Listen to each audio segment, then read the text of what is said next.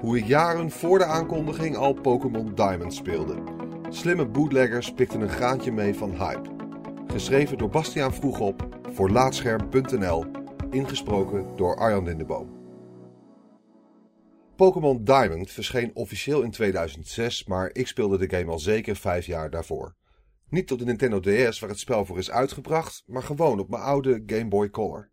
Een klasgenootje had tijdens een vakantie naar Polen voor een schijntje het pas verschenen Pokémon Crystal opgepikt in een ongure technologiewinkel waar hij meteen gratis een cartridge van Pokémon Diamond bij kreeg. Dat was volgens hem een zeer zeldzame titel in de reeks. Iets dat ik meteen wilde geloven. Online kwamen vaak genoeg geruchten voorbij over titels voor toekomstige Pokémon-spellen, maar tot op heden had ik nog nooit over Diamond gehoord. Nintendo zou pas jaren later het spel officieel aankondigen. Diamond bleek ook anders in elkaar te steken dan eerdere games in de reeks. In de game heb je bijvoorbeeld niet zes monsters bij je om mee te vechten, maar kun je een veel grotere verzameling beesten op ieder moment bellen met je mobieltje. De normaal stille Pokémon trainer was daarnaast ongeruild voor een spraakzamere honkbalspeler, die in de Pokémon-wereld terechtkomt als hij in een boom valt. Er was geen Pokémon Gym of Elite Four trainer te vinden. In plaats daarvan had het spel een vreemd verhaal dat ik maar moeilijk kon volgen. Kaitai Denju Telefang. Pas jaren later zou ik erachter komen dat die Pokémon Diamond cartridge weinig te maken had met de inmiddels 20 jaar oude gamereeks. Het betrof eigenlijk een aangepaste versie van Kaitai Denju Telefang, een monster-verzamelgame die de studio's Natsume en Smilesoft eind 2000 in Japan uitbrachten. Officieel is Telefang nooit in het Westen verschenen, maar fanatieke vertalers wisten de game voor het Westen te lokaliseren. Met één kleine wijziging: de twee versies van het spel gingen voortaan door het leven als Pokémon Diamond en Pokémon Jade. De games werden op cartridges gezet en samen met illegaal verworven kopieën van Pokémon Crystal verkocht om zo een centje mee te verdienen aan de Pokémon rage. Daarbij werd inbreuk gedaan op meer dan één licentie. Op het doosje van Pokémon Jade stond een afbeelding uit de animatiefilm Princess Mononoke om zo mogelijk nog meer mensen te trekken. Hoe succesvol de Pokémon variant van Telefang is geworden, zullen we vermoedelijk nooit weten. De games werden vooral via de zwarte markt verkocht. De makers probeerden tijdens die verkoop vooral duidelijk te maken dat ze niets te maken hadden met deze vorm van piraterij. De vertalingen leidden waarschijnlijk tot onherstelbare imagoschade voor het Japanse Telefang dat nooit naar het westen is gekomen. Niet alleen werden de games door lokalisatie gezien als Pokémon-klonen, maar de Engelstalige versies waren door haastig vertaalwerk ook haast onspeelbaar.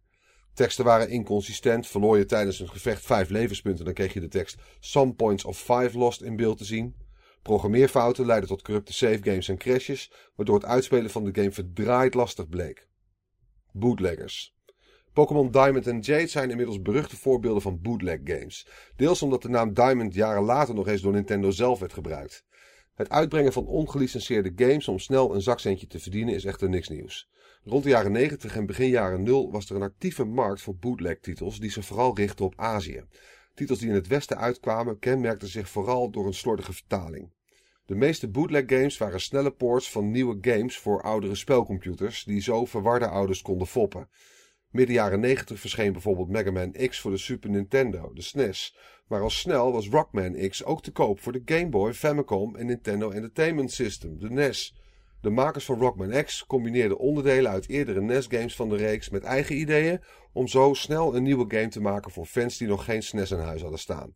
Kinderen die opgroeiden met deze bootlegs ontdekten jaren later vaak pas wat ze nu eigenlijk hadden gespeeld, waardoor deze games een wat unieke reputatie hebben gekregen.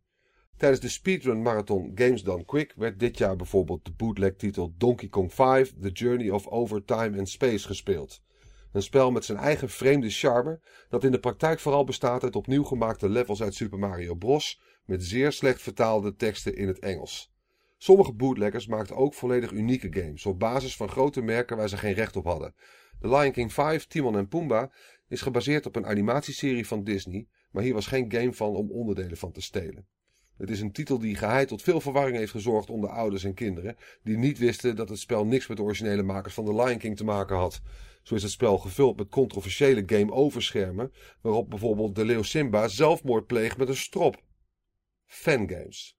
Anno 2017 is het een stuk lastiger geworden om succes te boeken met een ongelicenseerde bootleg game. Uitgevers hebben betere banden met winkeliers, waardoor er nog maar zelden een onbedoelde titel in het assortiment van bijvoorbeeld de lokale Intertoys kan glippen. Daarnaast zorgt het internet ervoor dat je al snel weet of een game een neppert is. Het enige overblijfsel uit die tijd is misschien wel de fangame. Fanatieke ontwerpers en programmeurs proberen geregeld vervolgen te maken van hun lievelingsgames, die ze vervolgens gratis voor iedereen beschikbaar willen stellen. Onder andere Nintendo steekt geregeld een stokje voor dat soort praktijken, maar andere gamebedrijven omarmen dit soort initiatieven juist. Zo is bijvoorbeeld Black Mesa Source, een remake van Valve's Half-Life, gewoon in de gameswinkel Steam van het bedrijf te vinden. Dankjewel voor het luisteren naar Laatscherm voorgelezen. Abonneer je ook op onze podcast Praatscherm en ga voor deze en meer verhalen, gesproken of geschreven, naar laatscherm.nl.